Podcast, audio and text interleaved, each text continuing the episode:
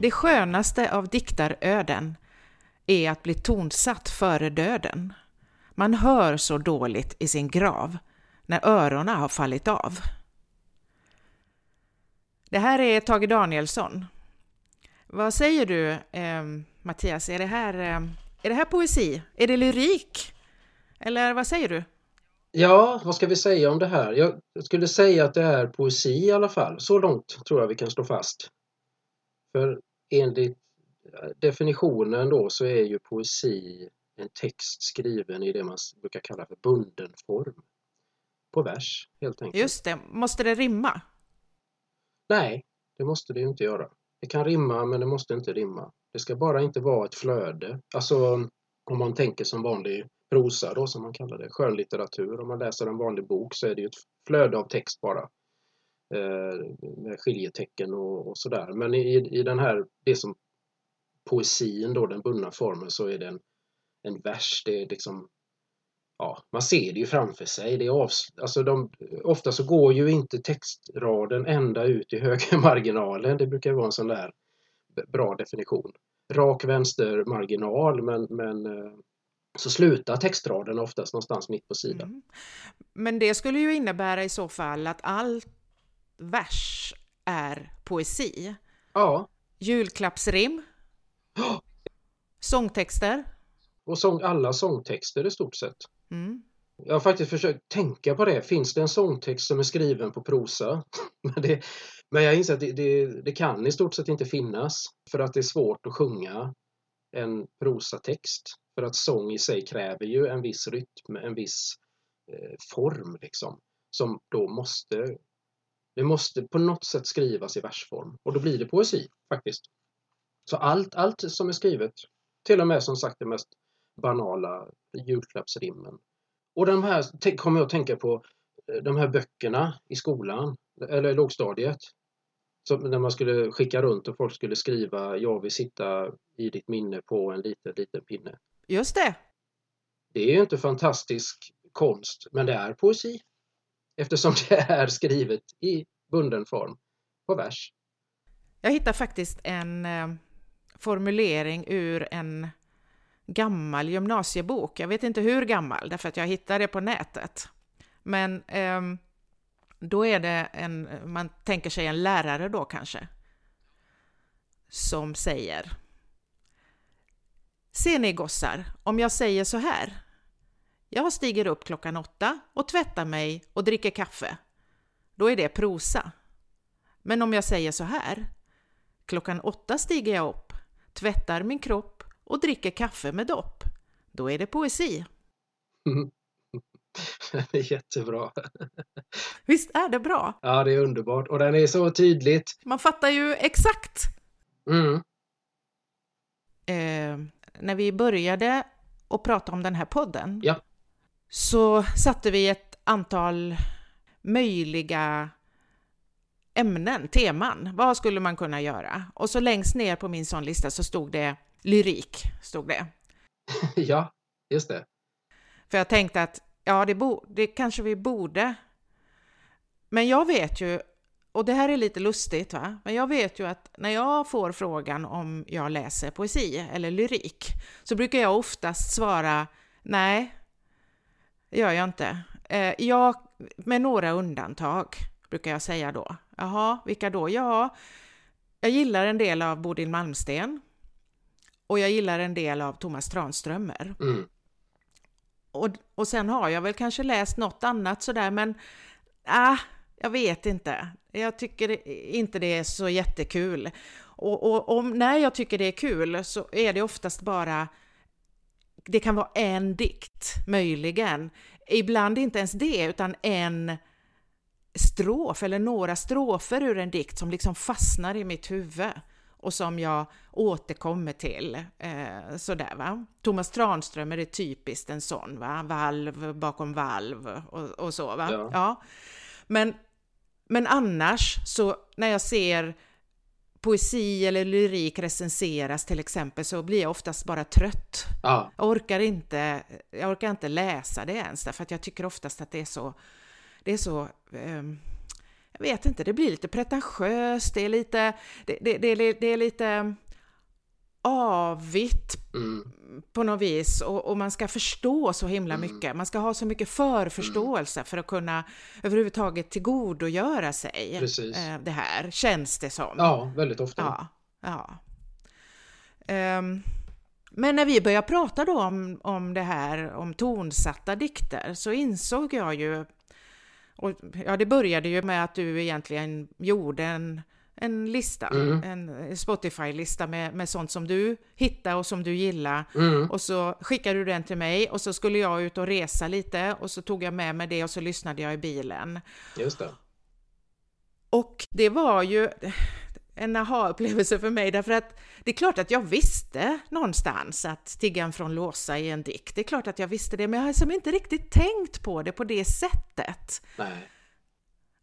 Så det här har ju varit väldigt, väldigt intressant för mig eh, att, att uppleva det här och att, att idag kan jag faktiskt eh, skilja på, väldigt tydligt kan jag skilja idag på Nils Ferlin och Gustaf Fröding, vilket jag inte riktigt ja. kunde tidigare, Nej. till exempel. Just det, just det, Och jag har lärt mig ganska mycket om, om Dan Andersson. Ja, ja.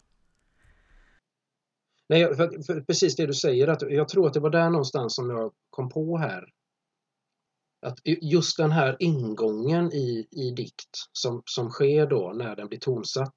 Vi pratar lite om till exempel om Tinga från Lossa. Man, man, kan ju verkligen fundera på om, om, om vi säger nu att den inte hade blivit tonsatt. Mm. Hade vi känt till den då överhuvudtaget? Eh, har jag funderat på.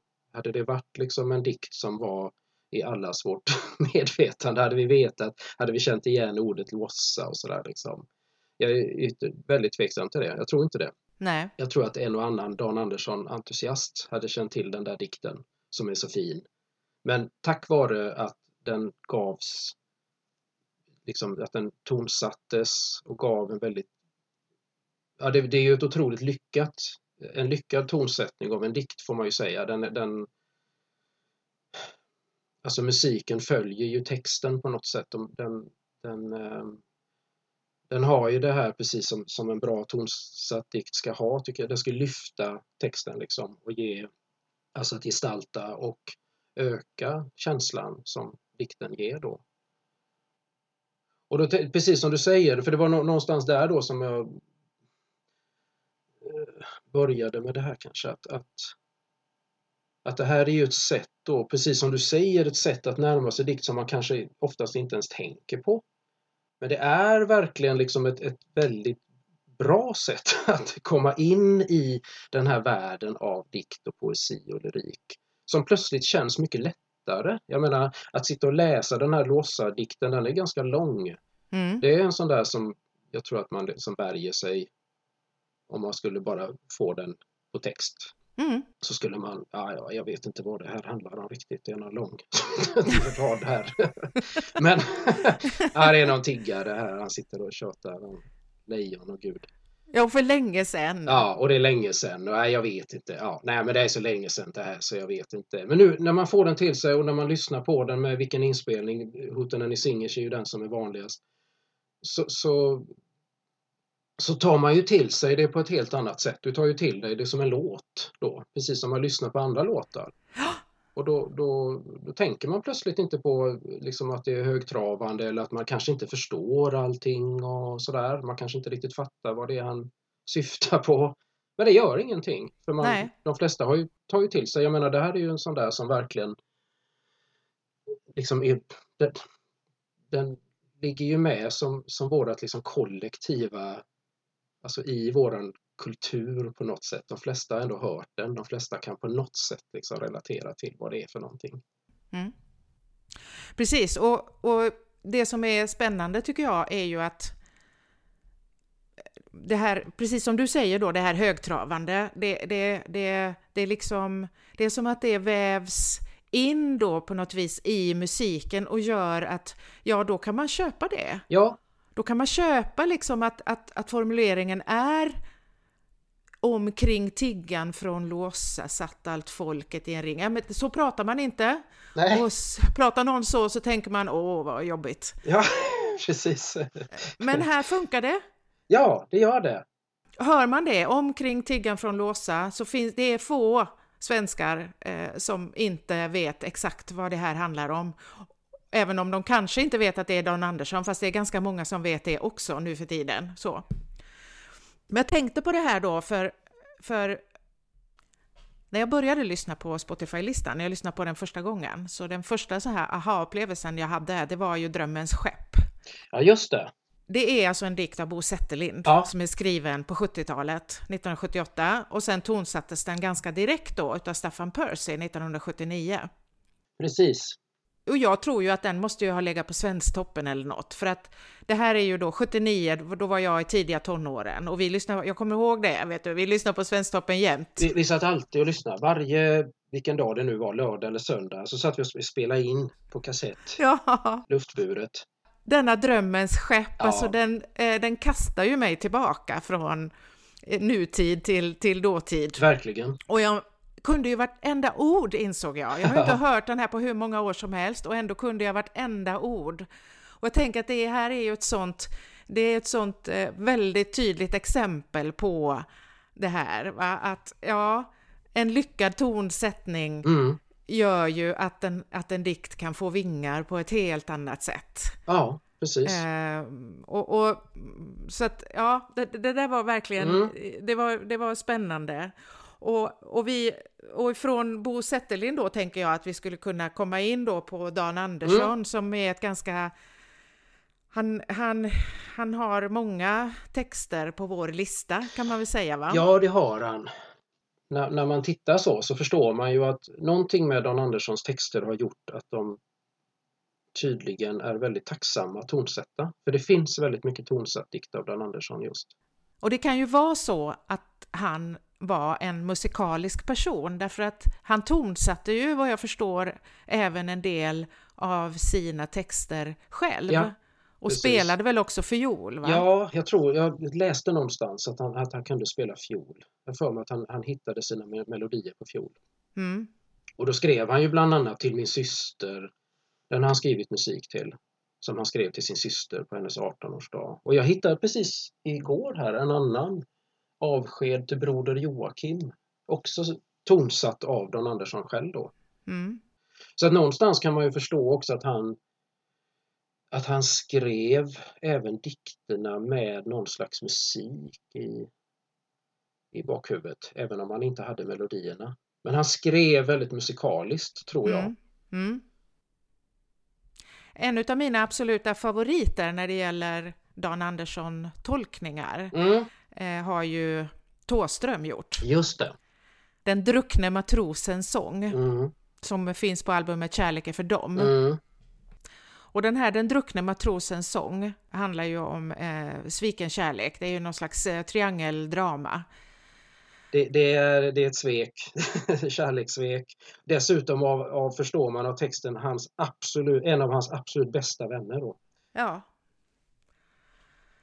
Så man, vad man förstår är ju att det är två sjömän och de har varit ute på sjön och eh, den ena eh, mannen då har, jag-personen har en Mm. hustru och Mm. den andra mannen, Tore Jonsson, han har då eh, tagit henne helt enkelt. Ja. Ja, Och hela texten är ju en slags monolog riktad till denna Tore Jonsson.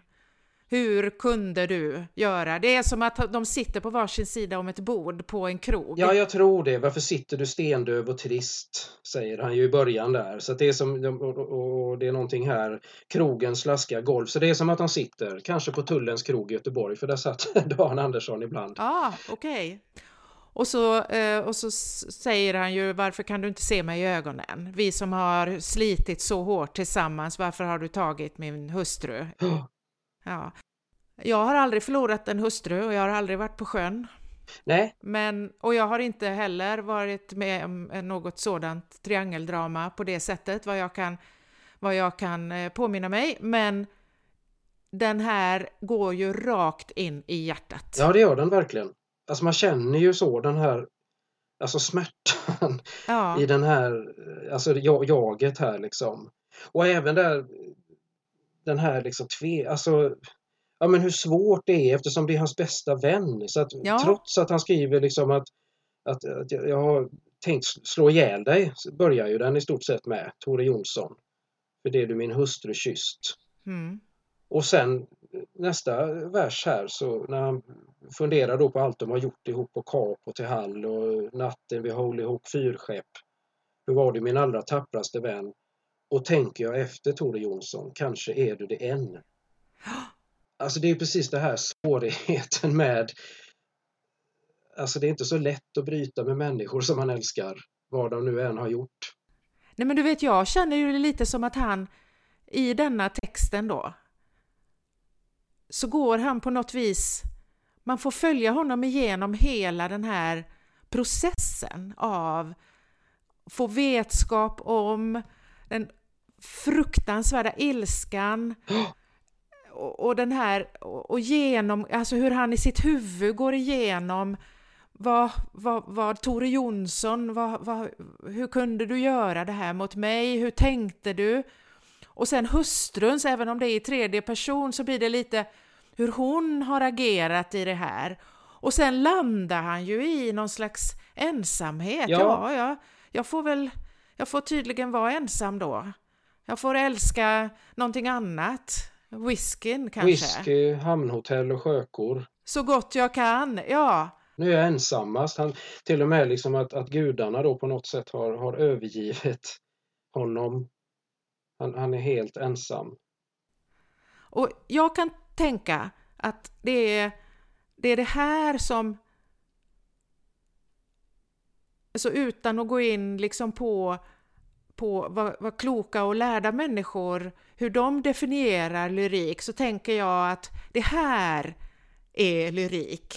Det är en förmågan att med på ett väldigt litet utrymme, en väldigt kort text, kunna ge mig en känsla som på något vis går in i mig och som kanske är allmängiltig på något sätt. Mm. Även om jag kanske inte har upplevt precis det här så är det ändå någonting som talar så väldigt, väldigt tydligt till mig och som gör att jag nästan känner att det är jag som sitter där på krogen. Just det.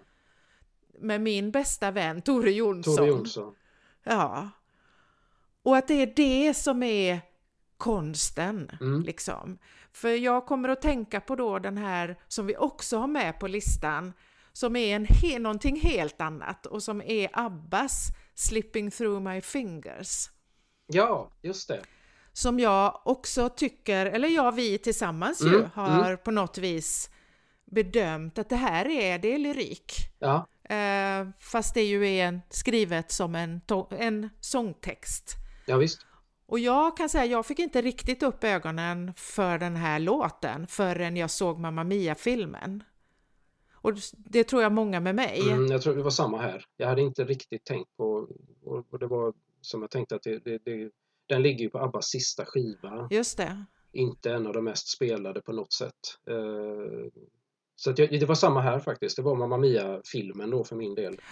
Och i filmen så sjunger ju eh, Meryl Streep är det som sjunger den här mm. låten då när hennes dotter Sophie ska gifta sig och på morgonen så är då Meryl Streep, Donna, hennes mamma, är, de är tillsammans i hennes rum och de gör liksom henne i ordning.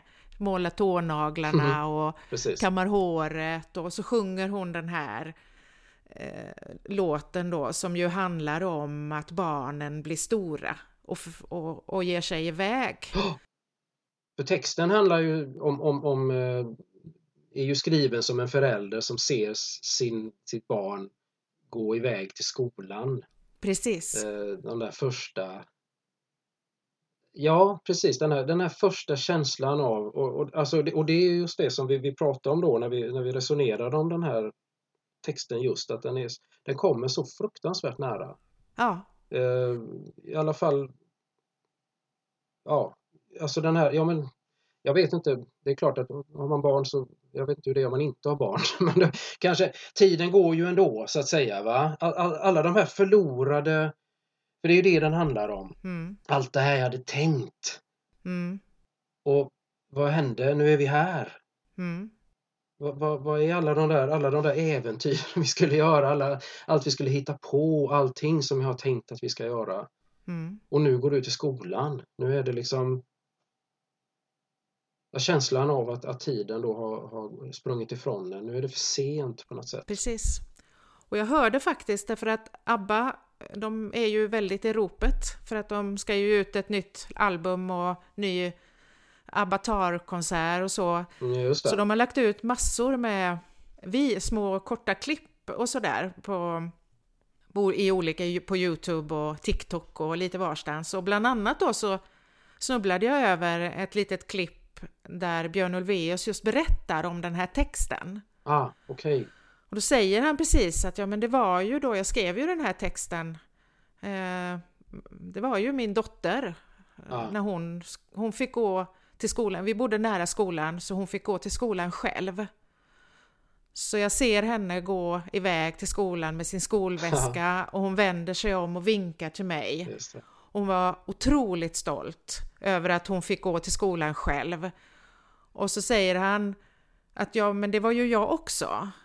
Därför att det här är ju fantastiskt, det är ju utveckling. Jag ser ju hur hon växer och Ja. Och det gör mig oerhört glad och stolt. Men samtidigt som hon går mot sin egen utveckling mm. så går hon ju bort ifrån mig. Ja. Och det är ju det den här låten handlar om. Mm. Och det är ju, det finns säkert inte en enda förälder om vi nu, om vi nu liksom begränsar oss till det. Va? Det finns nog inte en förälder i världen som inte har känt den här känslan vid något tillfälle. Precis. Att men vad stor han blev. Vad duktig hon är. Ja. Och vad underbart det är och hur ont det gör samtidigt. Ja, visst. Så känslan är ju på något vis universell. Mm. Men det måste till en Björn Ulvaeus för att kunna uttrycka det på ett sätt som gör att bara jag hör den första raden i den här låten ja så, så är det någonting som drar i mitt bröst. Liksom, som isar lite. Ja, precis. Du får he hela den här känslan kommer till en då. Ja, och jag som nu har vuxna barn, jag kan inte höra den här låten utan att, att få en liten tår liksom. För att det, är fort, det sitter ju kvar alltid. precis. Och därför pass, funkar det ju så bra i, i filmen också, för där handlar det ju om att dottern gifter sig. Och då är det ju ytterligare ett steg liksom. Det där sista steget på något sätt då liksom. Och då, den funkar ju så oerhört bra där. Det är väldigt välgjort, måste jag säga. Ja. Nej, det var, jag minns ju det. Alltså för övrigt är det, det, är ju en, ja, det är en glad och underhållande film. Men just den scenen, den var ju den var, den var lite smärtsam, kommer jag ihåg. Den var lite sådär, tårarna kom. Ja. Och det är ju precis det här. Så, så precis, man behöver kanske inte, jag menar, det, det är lite som, som den här som jag också tog med som inte heller är Alltså det, det är lite sådär som jag tänkte att det är ett gränsfall men den har precis detsamma och det är Tåström igen då. Uh, en sång som heter Brev till tionde våningen som han spelade in på, med på Skebo 209. Och det är ett långt brev till... Hallå? Jag hör dig. Okej, okay, förlåt. det blev så tyst! Ja. Läskigt tyst. Mm. Hallå, är jag ensam?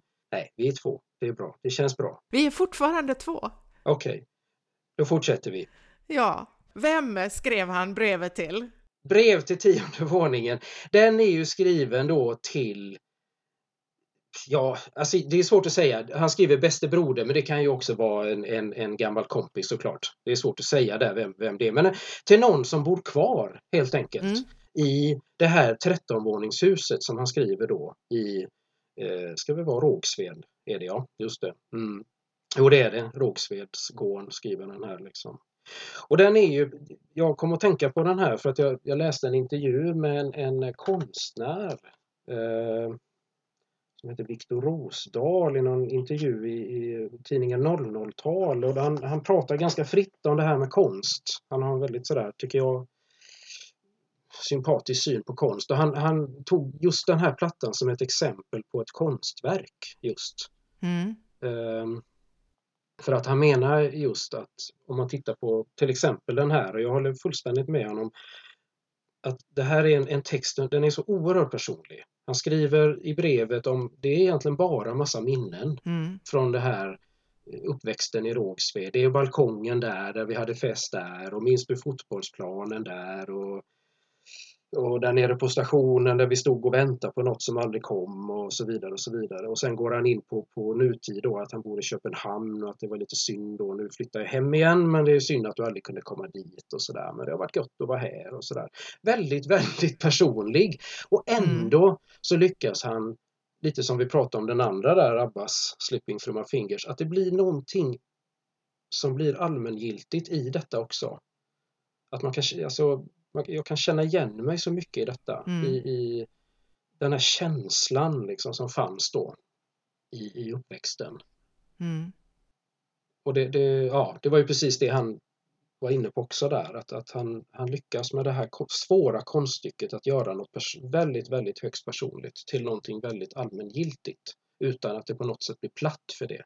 För det kan det såklart bli när, när man ska försöka förmedla något till många.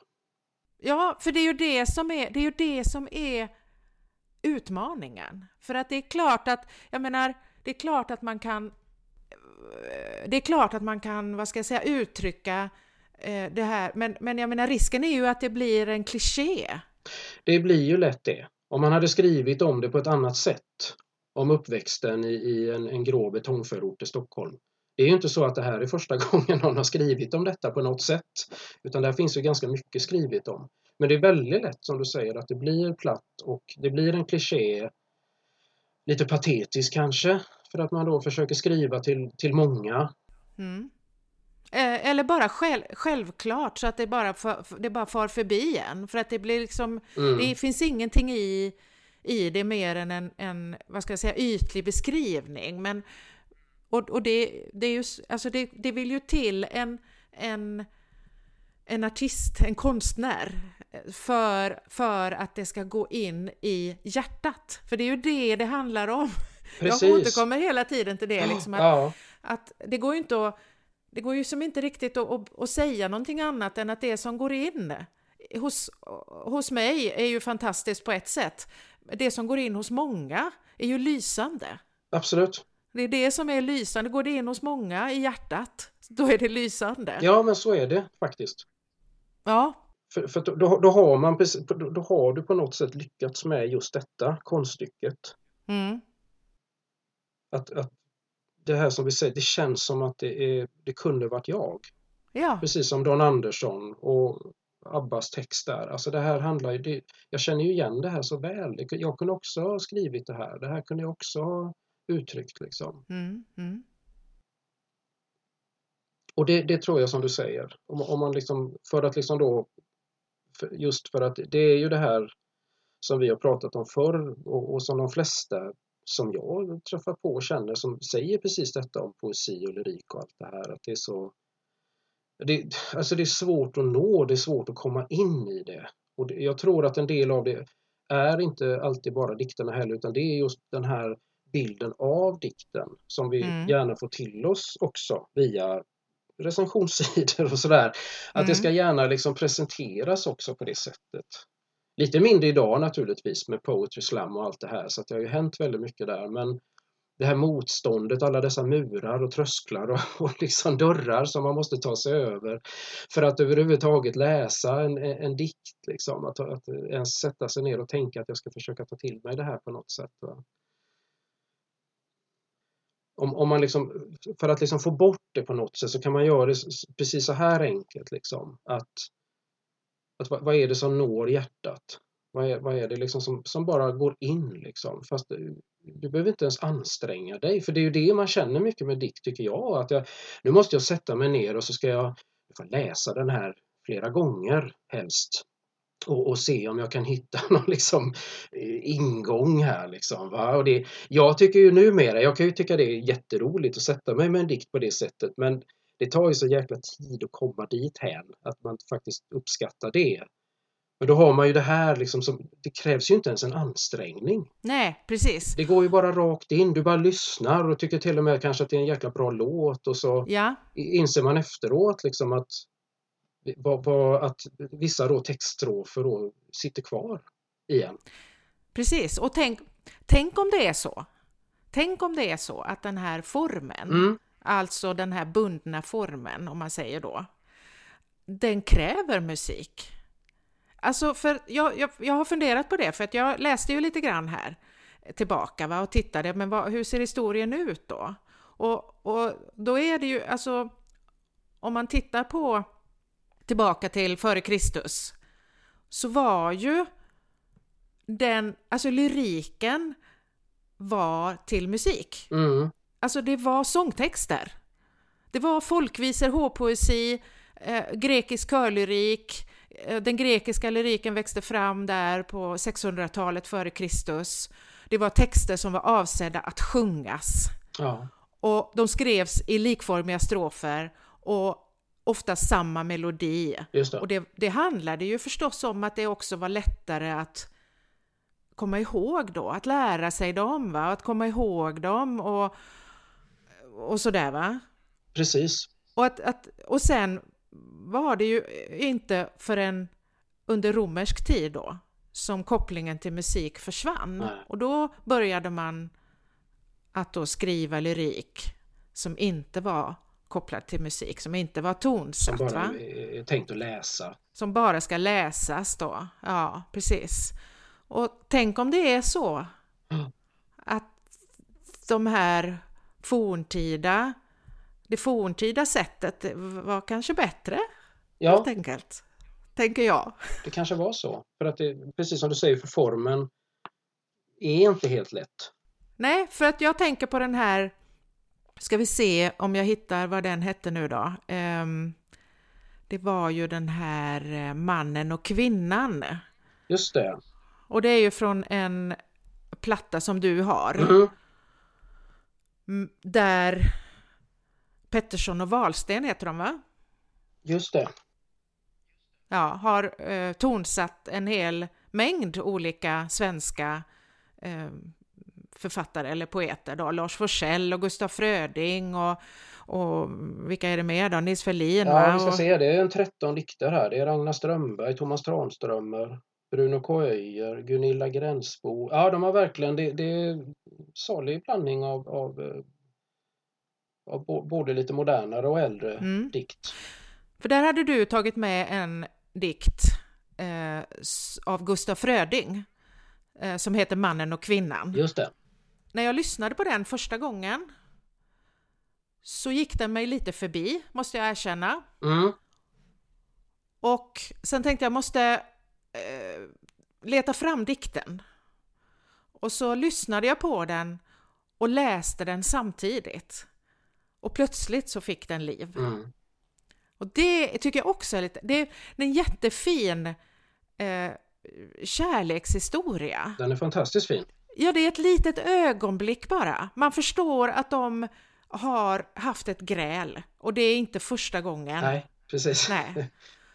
Utan de har bråkat. Och första strofen är då veknade kvinnan och trängde sig tätt intill mannen och lade sin arm om hans skuldra. Och man förstår på något vis liksom att hon Ja, det händer något med henne. Hon vill inte, hon vill inte det här. Nej, hon, hon, hon släpper det liksom där och tänker nej, det går inte. Jag, och så säger hon sen, jag gitter dig banna och klandra, jag gitter dig se hur du gråter. Så hon, hon, hon vänder där och går, går nära honom då. Ja, och du vet, det är samma där va? Fast li- med lite, lite svårare ingång här kände jag va? Både den tonsatta och den vanliga. Men de här två tillsammans så känner jag nu att jag varje, bara jag läser den här nu så får jag lite gåshud. Ja, Därför att jag inser vilket otroligt avgörande ögonblick det här är i deras liv. precis. Eller i det mänskliga livet. Detta, det, alltså förmågan att, att släppa och att enas och att, att förstå att ja, vi hör ändå ihop du och jag, Ja, hur det än ja. Alltså otroligt fin. Den är jättefin. Och det är, det är min favorit är Vi måste förlåta varandra när icke vår Herra förlåter. Mm. Det, det, det, är så oerhört fint. Att vem ska förlåta oss annars? Om inte jag och du. om, inte vi, om inte jag och du har förmåga att förlåta varandra, hur ska det gå då? Ja, precis. Så det är som du säger, det, det är som, ja det är en jätteviktig stund där. Känns det som, som en, en, en eh, liksom avgörande där. Mm. Mm. Och, den är, och, och, nu när jag hör den så är den fantastisk därför att nu kan jag också höra hur de, alltså hur, hur, eh, hur melodin förstärker det som, som är det centrala i den här texten. Det blir så vackert och det blir så kraftfullt. Jo, för de bygger ju upp liksom musiken där när, när hon börjar prata. Mm. Eh, den börjar lite lugnt och så bygger de upp den, inte till det superdramatiskt, men, men man hör liksom kraften i detta. Liksom. Mm, mm. Så det, det, är precis som du säger, jag tycker den är, den är, det är ett jättebra exempel på när, när, när musiken Alltså för, för, det är ju det där, musiken, man vill ju att den ska bära texten, den ska lyfta texten. Den ska helst liksom, ja men på något sätt gestalta texten. Och det, det gör den, den här gör verkligen det. För den stoppar lite upp där eh, på något sätt då i hennes tal till sin man där. Ja, den är väldigt, väldigt fin. Ja, det, den är fin. Och jag tänker också att musik liksom kan fungera på olika sätt för olika texter. Mm, absolut. Um, och det vet jag inte hur, det har jag tänkt på faktiskt, eh, men inte alls brytt mig om att ta reda på. Men i den äldsta, alltså den här forn, forn, eh, forntida, antika till exempel, grekiska, om man någon gång använder musik som bakgrund för att, alltså för att mer, vad ska man säga, läsa texter eller framföra texter, med, med, inte sjunga dem utan framföra dem till musik. För jag tänker, vi har ju några sådana eh, texter med också på vår Spotify-lista. Um, ja, den börjar ju med en, bland annat. Ja, Uppdrag precis. där av, av, eh, det är ju från Lundells platta Det goda livet. Mm. Som ju då är en dikt av Esra Pound. Översatt av Jonas Edfeldt hittade jag sen, en annan diktare. Och den är ju sån, den, han läser ju den dikten ganska kraftfullt. Liksom. Det är en väldigt ja, det är kraftfull text. Det är en uppmaning. liksom till, till uh, Gå mina sånger är, är ju liksom huvudstrofen på något sätt. Ut i världen med er. Ni ska ge tröst och hjälp och... Ja, och sen så han nämner ju han uh, namnger ju, eller ja, vad man ska säga, de som, de som ska ta emot det här. Gå mina sånger till de, till, till, till de ensamma, till de eh, svältande, till, till kvinnorna som har blivit arvegods. Och... och, och jag tror även till borgarna som, som håller på att dö av leda. Han, han, det, han riktar sig åt alla håll liksom. Han ser verkligen liksom här det är inte liksom en klass i samhället utan liksom alla dessa människor som lider nöd av olika, på olika sätt. Liksom. Kanske själslig död eller själslig nöd. Liksom. Ja. Precis.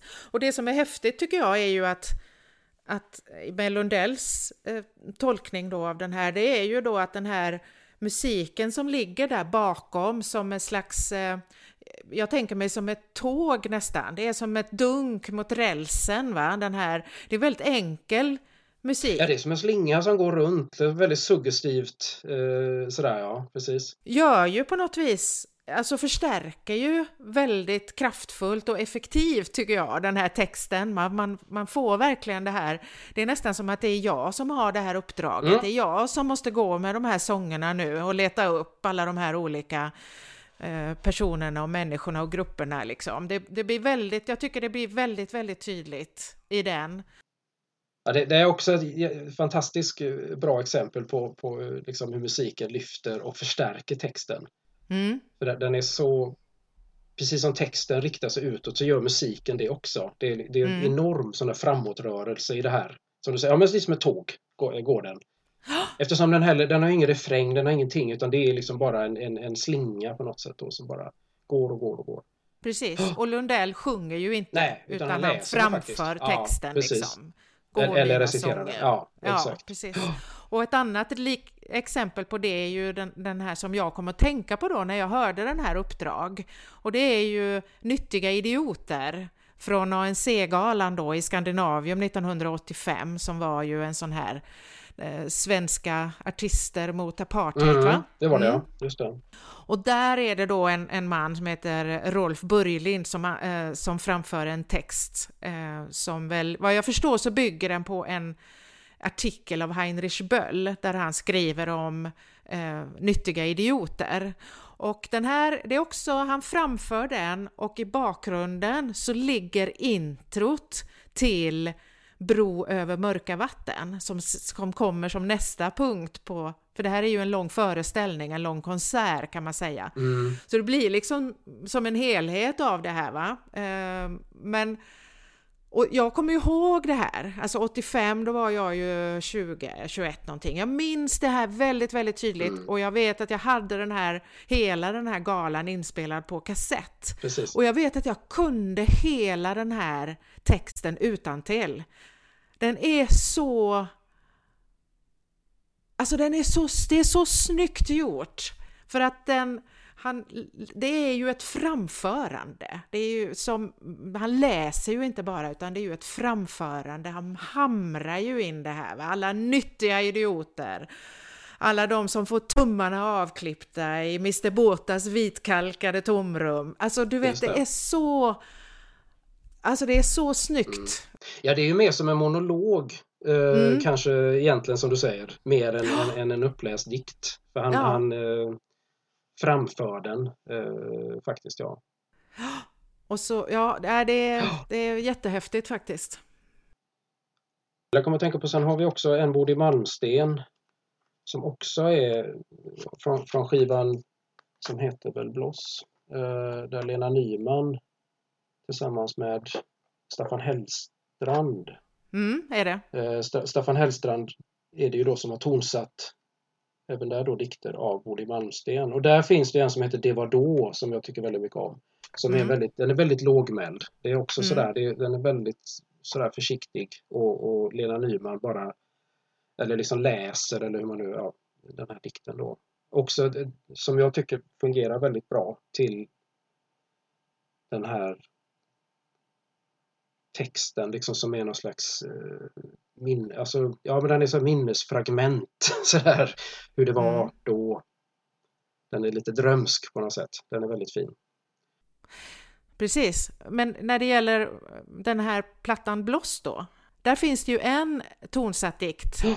som jag fortfarande inte gillar riktigt. Just det. Och det är en av mina absoluta favoritdikter, Ett bloss för moster Lilly. Mm som jag har återkommit till gång på gång sen den kom ut då, den beställningar finns den med i, eller beställningar kanske man säger, där i slutet. Jag, jag vet att jag läste den här dikten i slutet på 80-talet i alla fall när jag pluggade i Jönköping och jag älskade den verkligen och jag var också en sån där som jag liksom lärde mig utan till. Ja.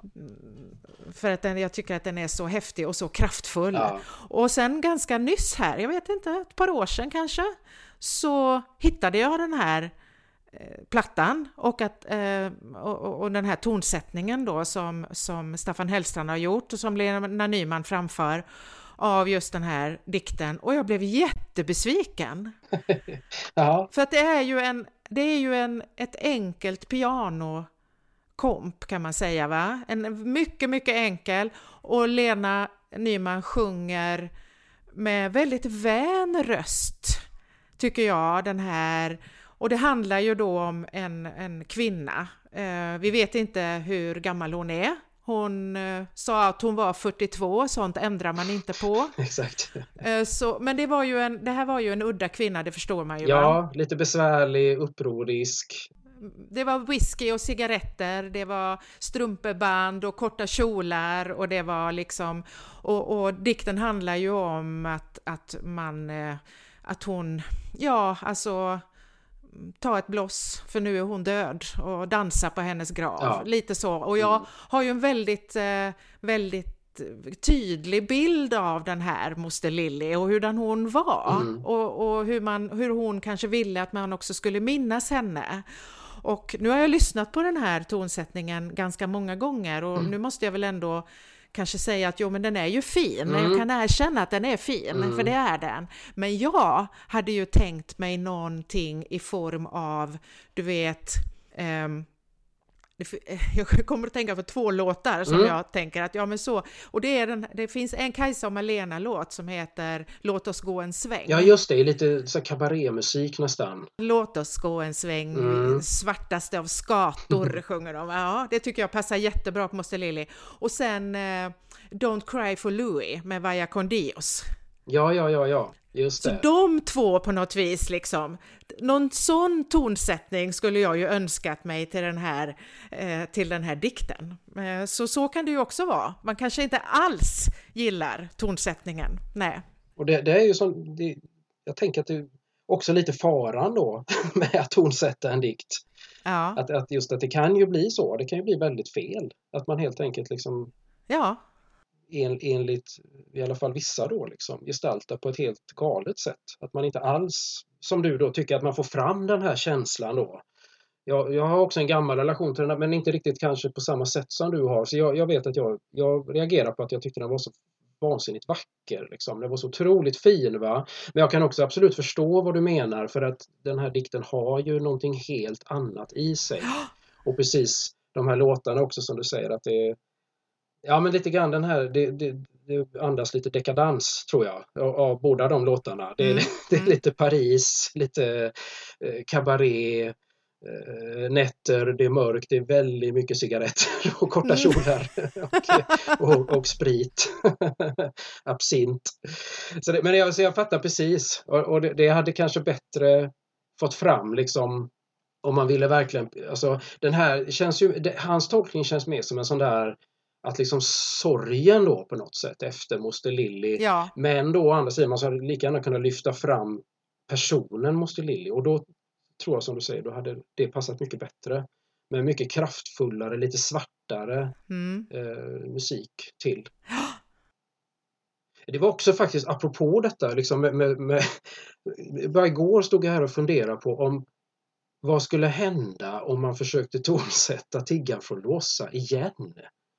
Alltså, är det ens möjligt liksom? Och vad, alltså, mm. den, alltså det är också en sån där en rolig tanke tycker jag. att, att, att man skulle plötsligt höra och hur skulle, undra hur man, jag försökte förstå, föreställa mig hur jag skulle, själv skulle reagera, sätter på radion och ser någon som sjunger Tigga från Lossa fast med en helt annan melodi. Ja. Det tycker jag hade varit spännande om någon gjorde. Dekadent kabaré, Paris 1920. Exakt, det har varit jätteroligt. Det är en uppmaning ni där ute, gör det här nu. Ni, ni, får, ni får tonsätta de här som, som vi har hört så mycket nu. nu behöver, ja. Bara för skojs skull.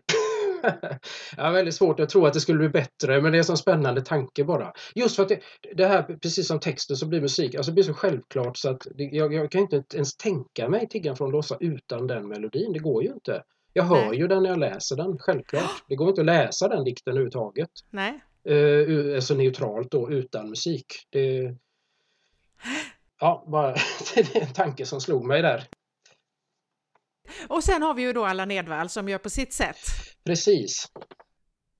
Och det var ju väldigt roligt därför att jag hade ju inte hört de här. Du skickade ju den här listan till mig. Jag känner ju mycket väl till Anna, alla Nedvall givetvis, va? på alla möjliga vis, men jag hade inte hört de här. Och du vet, alltså det första som händer när jag hör den här göken, det är att jag skrattar. Ja, ja men det är så roligt. Alltså det här är ju det mm. roligaste jag har hört. Mm. Och då kan jag ju, jag som är lite så här Allan Edwall fan då av hans musik framförallt. Jag har ju skaffat på mig allt han spelade in. För det gavs ut sen postumt. Eh, på ett skivbolag som heter National fick alla rättigheterna. Och då visade det sig liksom att förutom de fyra, fem plattorna som han du faktiskt spelade in då så fanns det ju väldigt mycket material över. Som han, och det är precis så som det låter när man lyssnar på Jöken, att han har suttit hemma. Jag tror att de flesta låtar kom till precis så, om jag förstått mm. det hela rätt. Eh, sen har de arrangerats och, och fixat till. Men han sitter hemma med sin rullbandspelare och spelar in helt enkelt. Och Jöken är precis en sån. Det är en exakt rak avspelning. Så det roliga är just att den börjar med att han börjar nynna melodin och så säger han, ja det är göken det här. Da, da, da, da, så fortsätter han och sen kommer han in på texten. Och Så hur mycket han hade nedskrivet eller inte, det vet jag inte. Eller om han hittade på i stunden eller det, det, det, ja, det vet jag faktiskt inte. Men just de här, och det finns ett antal sådana här varav Göken är, är väl min absoluta favorit för det är så fantastiskt fin text. va? Alltså den är helt underbar. Och dessutom är berättelsen, eller vad man nu ska kalla det för, den här, det här alltså den är ju så fantastisk. Hur han ger sig ut i världen. Ja, för det handlar om, jag, jag gav mig ut i världen i mammas ylle socker och med fars fiol. Solen lyste över fält och gärden och göken gol, göken gol. Och sen då hur, hur det liksom, ja på, på sitt liksom sätt då, han hade också den här förmågan att, att skriva texter som var väldigt komprimerade. Som gör att han faller så väl in i det här sammanhanget. Sen tror jag också med Allan Edwall just, jag har funderat på det liksom, att Allan Edwall är Allan Edwall därför att alla, han är Allan Edwall. Och det gör att... Så är det ju också. Ja, och det gör att när man, när man hör honom där, där det är det där, ja du vet, så, så ser man ju honom precis framför sig i alla de här olika rollerna ja. som inte alla, men där man har älskat honom så mycket, alltså som Emils pappa, som Skallepär. Skallepär, och jag är min favorit när han är Rasmus, äh, Luffan där, Erasmus på luffen. Äh, där han dessutom sjunger ganska mycket i den filmen, så att där är ju en del hummande och sjungande. Uh, ja, men precis som du säger, man vet ju precis hur han såg ut, hur han förde sig, hur han satt. Så att det är klart att man, man, när man lyssnar på detta så ser man ju hur han sitter där och sjunger mm. vid sitt bord. Och man känner så väl igen hans röst. Ja, ja. Det, det är som att höra en gammal morfar. och jag tror att det är en, en del i det. Alltså, det tror jag. Hela, hela denna mannen är ju konst. Ja, han var ju det. Verkligen. Mm. Jag tycker det är så roligt. Den här, finns, vi har ju en en låt till här, En kråka flög. Ja, just det. Och jag kollade bara på den för då, jag såg då att den, ja den är ju, fanns ju med då på en platta som faktiskt gavs ut då på 80-talet. Ja, och den plattan heter Veta huteri. Ja, bara det. Bara, bara, bara titeln där va. Alltså den, den låten, om man inte, den, den bör man kolla upp för hela den låten är ju skriven på det viset. Mm. Alltså med nyordsbildningar. Mm. den är fruktansvärt rolig. Jag, jag, kan den inte riktigt så jag ska inte ens ge mig på det. Men, men det, just låten Vetahuteri är värd att kolla upp faktiskt. Om, om man vill ha ett kreativt eh, pysslande mod så har man god inspiration där faktiskt. Tummetotteri och vetahuteri, så tror jag den är. Han sjunger. Mm. Fantastiskt. Ja, det är härligt. Ja. Vad tycker du att vi ska gå över till nu? Jag tänkte jag, var, jag var, hade nog tanken där lite eftersom vi var inne på de här just med hur det är skrivet så tänkte jag just bara på, på eh, en av mina sådär storheter, det är ju Leonard Cohen. Mm. Um, och just i det här gränslandet då, eller hur man nu vill se det, vad som är, vad som är, är sång och vad som är dikt. Och Leonard Cohen var ju en sån artist som verkligen befann sig i det gränslandet hela tiden. Ehm, eftersom han var, han var ju först poet och författare. Det var ju så han började sin bana mm. med att, att ge ut texter. Han gav ut några böcker och sådär. Sen hade han ju skrivit och tonsatt och jag undrar, det var väl han, en av de här mest kända låtarna, Susanne då. Och från början hade han ju inte alls tänkt att han själv skulle framföra det här utan han ville ju ge bort eh, de här Eh, faktiskt samma som Allan Edwall, kan jag bara som en liten passus här. Han hade inte heller tänkt spela in sina egna visor. Ah, okay. Utan det var faktiskt, han satt på någon eh, Ja, det spelar ingen roll sammanhanget. Han frågade i alla fall en av de här, det var en kvinna, en skådis. Jag vågar inte säga namn just nu för nu har jag tappat bort det. Men hon sjöng också. När hon fick höra detta, för han hade faktiskt frågat henne om hon hade lust att spela in det här. Mm. Men hon var ju som tur var så sa ju hon, men herregud det här ska du spela in själv. Ja. Det här kan väl inte jag göra? Det Nej. måste ju vara din röst, det förstår du väl? Och han tyckte, men jag är ingen sångare. Och jag tror att Cohen, jag har för mig att Cohen hade ungefär samma där, att jag är ingen sångare. Jag är inte ens en gitarrist. Han, eh, han hade gått och lärt sig spansk gitarr, så lite flamenco någon gång. Okay. Typ vid tre tillfällen och sånt där. Och det var ungefär det. Sen blev det aldrig något mer med det.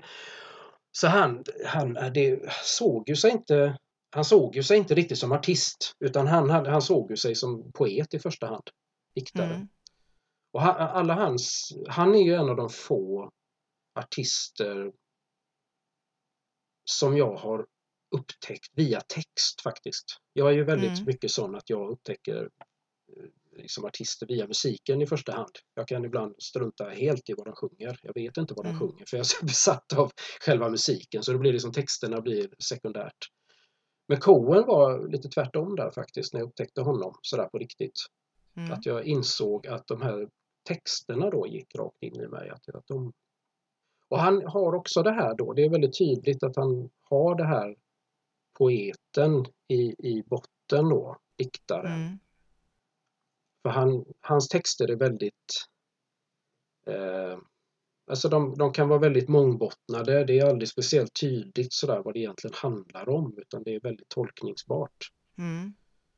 Och han har en förmåga att måla upp väldigt, väldigt, för mig i alla fall, otroligt så här, alltså bilder på något sätt i sitt, i sitt, i sitt språk då. Det blir som en inre värld. Ja, så Cohen har vi ju med också i listan förstås. Ja, precis. Och han gör ju en, en av mina favoriter där som jag tog med. För det, det är en av de, jag, åh, jag är så otroligt, jag vet inte hur många gånger jag lyssnat på den. Som heter Take This Waltz. Det är sån där, alltså den är så fantastisk i hela, just för där är Cohen då som för ovanligheten skulle ha tonsatt en dikt av eh, Federico Garcia Lorca. Mm. Take This Waltz. Eh, den har jag inte kunnat läsa i original, jag läste den på svenska, men jag tycker att Coens tolkning av den är, är den absolut bästa. Han har gjort mm. en sån otroligt fin text av den alltså. och den är så full av bilder. mm. Lyssna på den om och om igen. Den ger mig så mycket inspiration och jag, åh, den är så fin alltså. Plus då att den är, är ja, fantastiskt fin låt liksom. Och mm. Jennifer Warnes då, som var en av Coens medarbetare under på flera skivor, är ju med då körar på sitt speciella vis som bara hon kunde. Mm. Eller kan. Och sen har vi Kjell Höglund. Och så har vi Kjell Höglund. Sveriges Leonard Cohen. Eller något. Nej, jag vet inte. Men han har ju också det här tycker jag. jag vi har ju med den här den här eh, Genesarets sjö då. Han har ju också en otrolig förmåga liksom att skriva i det som jag tänker liksom är det här lyriska. För den Genesarets sjö är en sån där text som man kan lyssna jag, jag vet inte hur många gånger jag har hört den. Och den ger på något sätt olika eh, jag får olika tolkningar varje gång jag hör den och vad den faktiskt handlar om. Ja. Första gången jag hörde den här låten överhuvudtaget det var i Karlstad. Vi satt nere i en, en, en källare hos en kompis kompis. Och jag hade inte lyssnat på Kjell Höglund då. Jag var sådär 20-årsåldern eller någonting. Och så slängde han på den här på hög volym. Mm.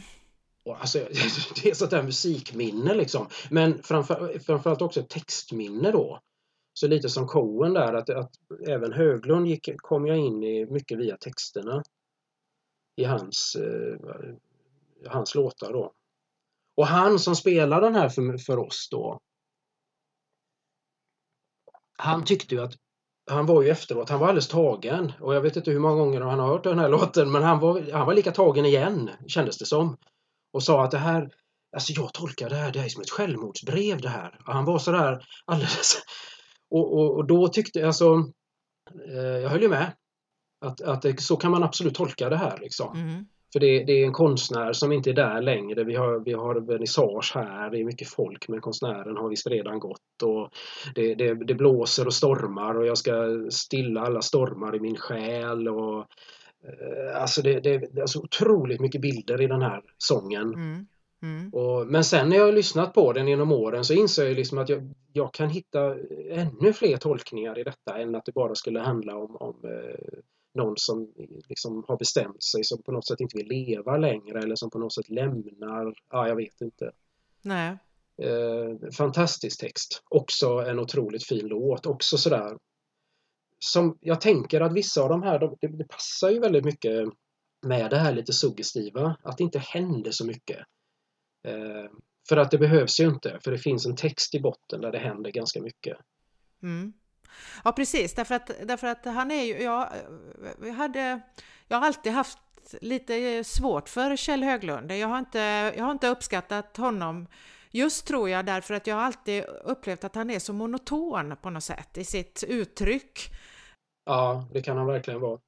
Men nu har jag ju lyssnat, eh, vi har två låtar med Kjell Höglund med då och jag har lyssnat på båda och, och eh, jag vet inte om det har att göra med att jag har blivit äldre eller om, eller om det handlar om att jag helt enkelt har faktiskt lyssnat och lyssnat och lyssnat liksom flera gånger.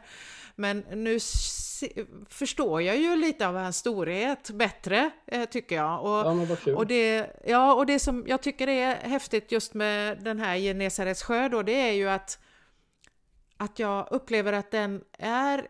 Jag, jag upplever att han ger mig det är som att han ger mig bara bild efter bild efter bild. Du vet att han står där och så häver han över till mig så här. Här får du en bild, här får du en till, här får du en till. Kolla på den då, titta på den, här kommer en bild till, här kommer en bild till. Och, och det är okej. Okay. Och jag behöver inte nödvändigtvis sätta ihop det till någonting. Jag behöver inte förstå. Exakt. Utan jag ser bara Ja, plötsligt så ser jag ett vernissage och plötsligt så ser jag en Genesarets sjö så som jag föreställ, har alltid föreställt mig Genesarets sjö. Va? Jaha, det blåser, ja då ser det nog ut ungefär så där. Va? Visst. Och det är okej, okay. och där, där matar han på på sitt monotona sätt. Va? Och, och att det, det, är häftigt också, det är helt annorlunda. Liksom. Ja, det är det. Och jag tänker att den, även den andra som jag valde då, den svarta madonnan, har ju en liknande. Den är inte heller speciellt tydlig, den har ingen egentligen handling. Utan det är också väldigt mycket bilder, det är lite mer mystik i den, men, men det är väldigt mycket som du säger, det är bilder som man får.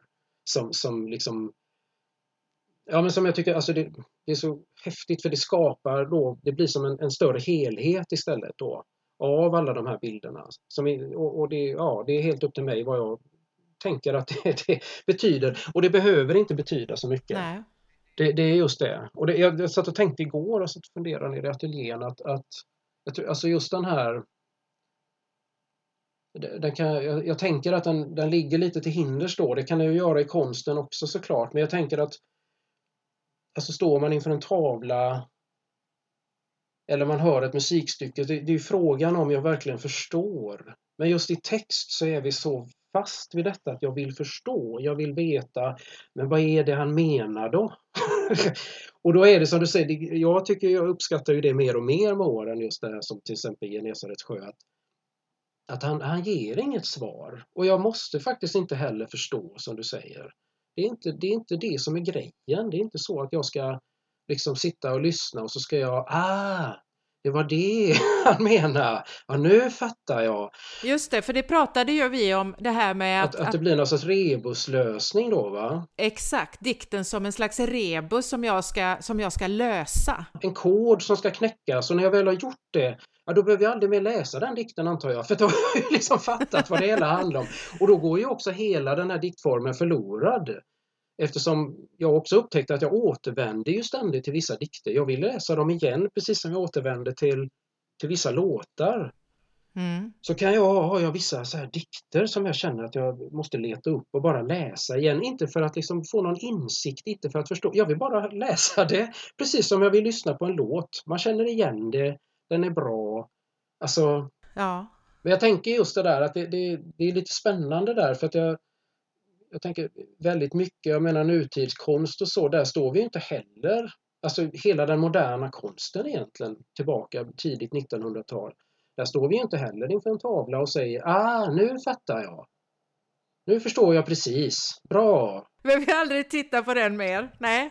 Precis, han har löst ett korsord här liksom. Nu, nu kan vi slänga undan den tavlan. Okej, nu tar vi fram nästa. För att så funkar det ju inte. Och likadant om man lyssnar på musik. Jag har ju aldrig varit med om jag har suttit med och lyssnat på musik och plötsligt, ja nu förstår jag. vad, det, det, det, är ett A och sen kommer ett E. Och nu fattar jag ju vad Bach, ja det var det. Alltså, för då tänker vi ju inte så överhuvudtaget för då är man ju redan inställd på att det här är ju något mer abstrakt. Här är ju mer liksom en upplevelse, en känsla.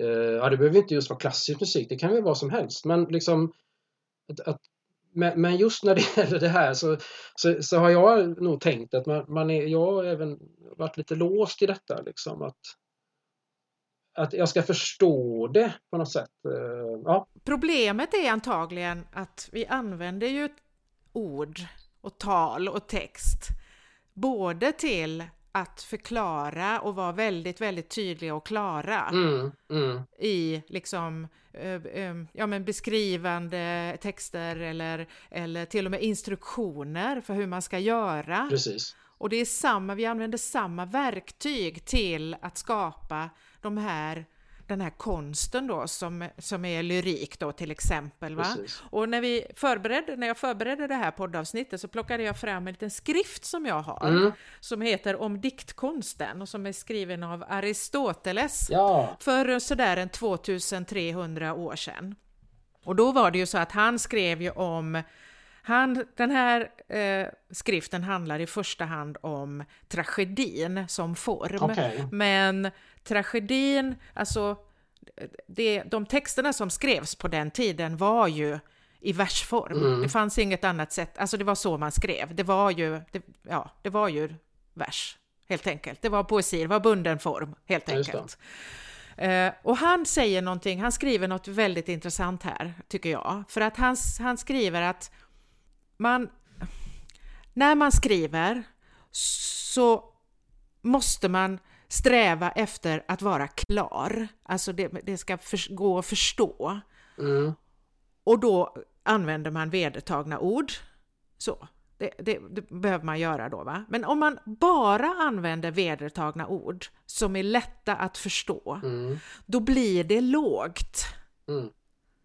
Men om man däremot använder främmande ord eller metaforer eller ja, sånt som är kanske lite mera dimmigt och luddigt va? för att öppna lite Mm. så, så blir det, då, då blir det bättre. Då, blir, då undviker man det här väldigt vanliga, låga Ja, och det blir, kan bli fint och det kan, det kan eh, bli, eh, det blir större och bättre. Men om man går för långt åt det hållet, om hela som kompositionen, skriver han då, va, bygger på det här fina och främmande och metaforer, då blir det så gåtfullt att det till och med blir barbariskt, Ja, skriver han. ja. ja just det. Medans då om, om man går för långt åt andra hållet och bara använder eh, de här orden som, som absolut alla kan förstå och som är jätte, jätte, jättetydligt och klart så blir det lågt och vanligt Mm. och tråkigt, fast det är mitt ord. Det är inte hans, det är, han- det är mitt. Ja, det. Och då tänker jag att ja, alltså, det svåra här är ju balansen. Absolut. För att det ska bli bra så måste du, måste du stå precis mitt emellan de här. Du måste använda precis lagom Ja. dimma och metaforer och det här som kanske inte är självklart. Och precis lagom av det här vanliga som gör att det här kan gå fram till, till människor och som gör det begripligt. Mm, mm. Och, och han, han skriver några exempel här då. Där han liksom ser, där han säger, men det här, jag menar så här, det här är skillnaden mellan de här två. Mm. Eh, Man kan till exempel då skriva eh, kräftsår som frossar på köttet på min fot. Eller så kan man skriva kräftsår som äter köttet på min fot. Ja. Och, och en annan är nu däremot har en ringa man, ja en pyssling, en struntkar. Eller så kan man skriva nu däremot har en liten man, oansenlig och kraftlös. Och sen kommer mitt, min, min favorit här. Antingen kan man skriva och satte fram den enklaste stol och ett bord av de minsta. Eller så kan man skriva och satte fram en dålig stol och ett litet bord. Ja, Och den där sista tycker jag är väldigt ja bra. det är underbart. Jag gillar den här mellan också med pysslingen. Jättefin. Pyssling, en struntkar. En struntkar. Fantastiska ord. Nej, det är väldigt tydligt. Ja, och, och, och jag tror att det här är, är... Jag tror att vi är något på spåren här. Eller om det nu var Aristoteles kanske, som var något på spåren. Det kanske var han som var det redan då. Ja. Nej, men jag tror precis som du säger att, att, att man som vi har, ja, vi har ju berört den här gången, när- man, när man liksom står inför en dikt och jag fattar absolut ingenting. Alltså det är inte det att jag inte fattar referensen eller det är ett ord jag inte förstår eller att det inte är helt klart vad, vad författaren vill. Men jag fattar faktiskt inte texten. Jag förstår inte ens vad som står här. För det finns ju sån lyrik liksom. Det finns den här dikten ju. Mm. Och då... Ja, det är väl så. Det blir ju som sagt, det blir ju, det blir ju gåtfullt men det blir ju mer än gåtfullt för att det blir ju liksom provocerande oftast. Mm. För att man känner sig så fruktansvärt dum. Dum i huvudet känner man sig. Att inte jag har det här språket, att inte jag har kompetensen, jag har inte referenserna, jag kan inte min grekiska mytologi och gamla testamentet på alla mina fem fingrar som jag borde kunnat här för att förstå alla konstiga referenser här och bifigurer. Liksom. Till exempel, eller vad det nu kan vara. Eller så är den bara så abstrakt att jag inte, jag kommer inte ens in i det. Liksom. Och då är, det är ju precis det här han menar ju. Mm. Och vi pratade ju också om den här, när vi pratade om det här så pratade vi ju också om den här gruppen Fem snabba. Ja, jag tänkte det, för vi kom ju lite in på dem då. Mm. Som vi lyssnade på väldigt, väldigt mycket ju i slutet på 80-talet, där början på 90-talet. Va? Precis, det var, det var ju liksom en platta så, så som det var på den tiden. Jag, jag, levde ju på Göteborgs alla skivbutiker och köpte begagnade plattor. Och det här var en sån där som jag bara hittade. Jag kände inte till dem på något sätt. Det såg intressant ut. Och vi har två låtar på Spotify-listan med, men tyvärr inte den plattan som vi som är den plattan som är den intressantaste, för den finns inte på Spotify. Nej, det är lite synd. Det finns då, den som vi har tagit med nu då ska sägas, det är väl LPn som kom efter denna. Mm. Eh, så där har jag valt ut två låtar bara som jag, som jag tyckte. Men det är inte egentligen riktigt de som vi har en relation till. Utan det var egentligen Nej. mer för att ge ett exempel på och, och, visa vilka de var. Däremot så finns ju den här då på Soundcloud om man vill. Eh, vi kan lägga en länk där, för där hittar jag ju faktiskt hela den här skivan, så där kan man ju lyssna på den. Mm. Och varför jag kom att tänka på dem när vi pratade om det här eller när jag satt med listan, det var ju just det att plötsligt så slog det mig att den här gruppen då som jag tyckte väldigt mycket om eh, hade jag vänner i Göteborg då så här, som tyckte att de, ja, det var precis det här som Aristoteles pratade om. De, de fattade inte vad det var de sjöng om. Nej. De, eh, och det har jag förstått nu när jag läser, läste, jag hittade en intervju här på nätet, en ganska lång med dem. Eh, och det var lite så att de, de mötte det här ibland. Att, att folk tyckte de var, var överpretentiösa och, och eh, lite kvasi tror jag. Att de ville på något sätt framstå som något som de inte riktigt var och sådär då. Och, och, och, och, de har ju då väldigt så här, alltså poetiska texter då som inte mm. alls är speciellt tydliga. Eh, om vad det riktigt handlar om här liksom. Så.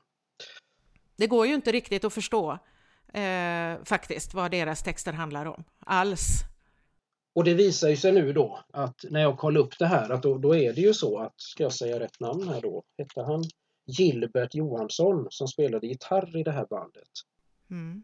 Då visar det sig mycket riktigt att det är ju han som har skrivit allt det här. Och han skrev då dem som just dikter. Mm. Och han var väldigt inspirerad av eh, andra diktare, det var Ferlin och, och sådär, men även så Gunnar Ekelöf och sånt där, de här lite som skrev lite svartare dikter och så. Då, va? Så att min, min, ja, på något sätt det föll på plats då, tyckte jag liksom, när jag kände att ja, det, det var så och jag förstod då också plötsligt varför en och annan reagerade med, nej men de, de där, jag fattar inte ens vad de sjunger. Så de var lite illa ansedda faktiskt av, i vissa kretsar. Ja men precis, och jag tänker att, för, för, jag, vet, du, för jag vet att jag fick ett band. Du, du spelade in ett kassettband till mig med den här plattan. Just det. Och jag, den gick i ett, i ett, i ett. Uh, jag tror det här måste ha varit när jag pluggade i Jönköping. Um, det, det, är min bild av det hela. Att det var i slutet. Det kan jag kollar här nu, 88 kom den. Då var det ju det. Och jag, jag minns eh, att jag, jag älskade verkligen musiken och jag älskar eh, hennes röst. Hon som sjunger. Hon har en väldigt eh, ja, vad hon gör med den. Alltså för att hon, jobb, hon använder rösten på ett väldigt speciellt sätt tycker jag. Och jag mm, det är hon. Sofie Ekelöf heter hon. Just det, och hon liksom vrider och vänder på tonerna på ett sätt som jag, som jag gillar jättemycket. Mm lite unik faktiskt i sitt sätt att använda rösten där. Men däremot så är jag ju är det ju faktiskt på det viset att jag skulle definitivt inte kunna kunna redogöra för vad en enda låt handlar om. Nej, det går inte. Trots att jag har lyssnat på dem om och om och om och om igen. Men, men däremot så finns det strofer som sitter som berget i mitt huvud. Och nu när jag lyssnar, jag har inte lyssnat på den där plattan på många, många år. Och nu när jag lyssnade på den igen så kom jag ju tänka på det. Att det är ju, då är det ju liksom i det här svåra då och kanske lite och väldigt gåtfulla, till och med kanske barbariska. Jag tänkte just, har vi att göra med barbarer här? Det, det är frågan. Liksom. Är, det, är det fem barbarer? Är det fem barbarer? Som spelade in de här plattorna? Möjligtvis är det så. Men så är det ju ändå vissa strofer som har fastnat. Mm. Det finns en här till exempel eh, som Eh, och där leker de också med, med, med orden själ som i att ha själ och göra någonting och själ, alltså soul. Mm.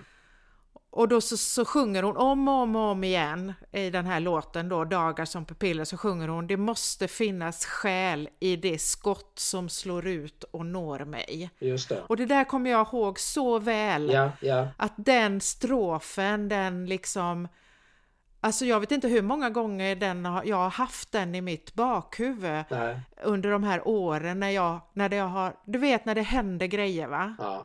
Av olika saker, bra eller dåligt och jag har tänkt att ja men det måste finnas en anledning till att det här sker. Ja, just det. det måste finnas skäl i det skott som slår ut och varför når det här mig? liksom. Något skäl måste det finnas och själ då, eh, om man nu ser, alltså den här ordleken han gör här också. Ja, själ och själ. Och likadant det här, du är klippa och havet slår. Det är också en sån där som kommer om och om och om igen i den här låten. Ja, för det är en sån där liksom. som hon upprepar där mot slutet. Du är en klippa, havet slår, om igen. Du är en klippa, havet slår, om igen. Den där. Mm. Eh, vilket blir väldigt bra, eh, lite suggestivt där, avslutning. Att man, det bara slår och slår på en. Där står jag. Precis. Och, och, jag tänker med det då så är vi ju inne på postpunken. Ja, för det här, de, de här är väl ett band som ingår i det som man brukar kalla postpunk. Mycket av den musik jag lyssnade på då läste jag lika gärna.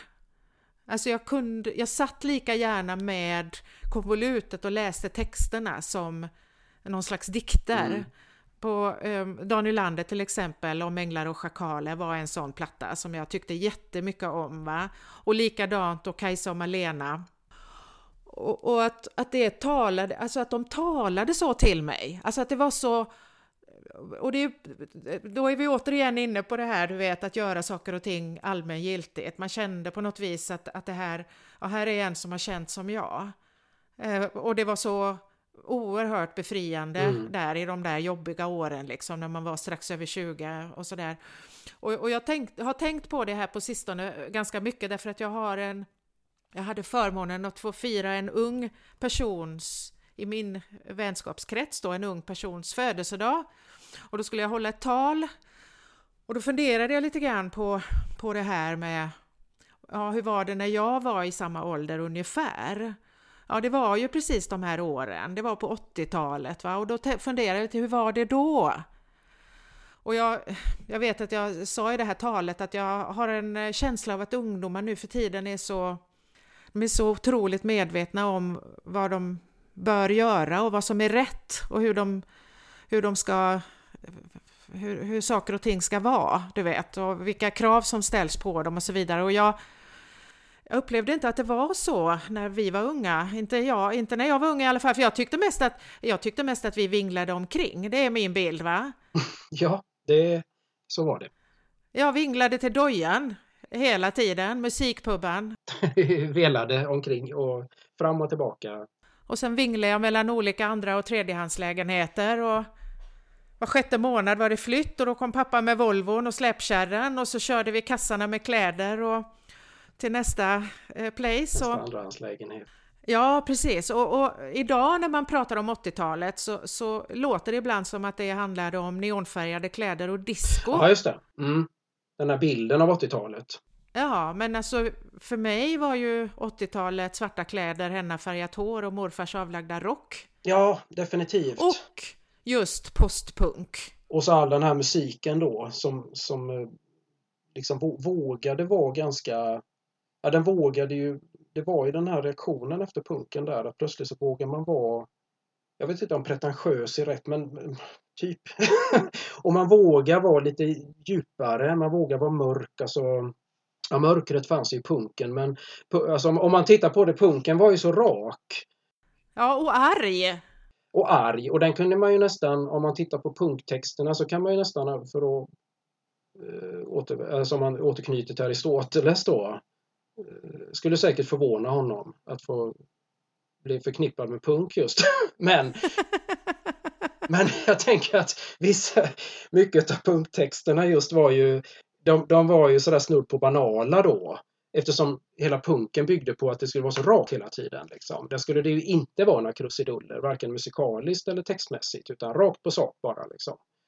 Men här, det som, den här eran som kom efteråt, liksom, där, det var ju verkligen så. Det var en era när, när väldigt många tillät sig då på olika sätt att bli att, att eh, nej men gå bort lite grann från det här raka budskapet. Att, mm. att våga vara lite kryptisk liksom. Det måste inte vara självklart. Alltså som jag minns det så, så marinerades ju vi liksom i låtar om ensamhet, hopplös kärlek, tomhet, kyla. Verkligen. Det var bara det. Och, och om man tänker på hur, såg, hur var situationen? Hur såg samhället ut? Ja, det var kalla kriget. Det var kärnvapenkatastrofen som bara låg ett knapptryck bort. Det var aids som lurade vid varenda förälskelse. Mm. Och just, just den här förmågan då som vissa hade att, att helt enkelt sätta ord på det här. Och, och, och och att man fick känna att man inte var ensam. Ja, för det var väldigt mycket den känslan. Det kommer jag ihåg också. Att det, var, det fanns, jag tyckte trots då Antagligen just för att eller det som gjorde att, att det var så tilltalande var ju för det var, det var som du säger väldigt mörka texter men det fanns en tröst i just detta. Eh, och det gör det ju i det kan det ju vara i en dikt också just det här att man just känslan av att jag inte själv. Det, den är ju så skön. Att här finns en annan människa mm. som, som känner likadant. Mm. Och den fanns ju väldigt starkt eh, i många av de här, i, i, många artister och band, deras texter. Mm. Precis den här alltså vilsenheten eh, och, och, och, vad ska det bli och, och jag vet ingenting. jag känner mig bara allmänt ensam vad jag än gör. Ja, just det. Ja. Jag tänkte att vi skulle avsluta med att välja en låt, dikt på Spotify-listan som vi tycker mycket om men som vi inte har pratat om. Har du någon? Ja, jag kan ju ta den som eh, bara... Den, en, en sång, den ligger ganska eh, mot slutet av listan. Den heter Tidens gång. Den är, är skriven och, och sjungs av en man som heter Tore Berger. Han var medlem i proggbandet Blå Tåget en gång i tiden och sen gjorde han egna plattor. Mm. En... Eh, jag vet inte, jag, jag tror, alltså jag, första gången jag hörde den, jag fick den inspelad på en kassett, precis som du har fått, sådär som det var på den där tiden av någon vän där på någon folkhögskola och jag lyssnade på den och jag tror jag fick ungefär samma känsla som du har fått av Kjell Höglund. Herregud vad monotont och vad tråkigt han sjunger och jag kunde inte alls förstå det här liksom. Jag undrar eh, för jag tyckte resten av, av den här kassetten var så himla kul och spännande musik och så kom det här och jag fattade ingenting. Men men, den låg ju där liksom. Så varje gång jag lyssnade på den så fick jag ju lyssna igenom den där Tore Berger i alla fall. Mm. Och med tiden så växte den här i mig liksom och jag insåg hur fruktansvärt bra den är alltså. Och den har precis det här som, som eh, vi har pratat om här nu då. Den är, den är heller inte speciellt tydlig egentligen i vad den handlar om. Men vad som är så spännande med den som jag kom på till slut, det är att den, det är som att han med ord gestaltar tidens gång utan att egentligen tala om det. Och det är så fascinerande. Och det är också sådär som jag tänker lite av en definition på detta. Att man liksom kan gestalta något utan att egentligen uttala det.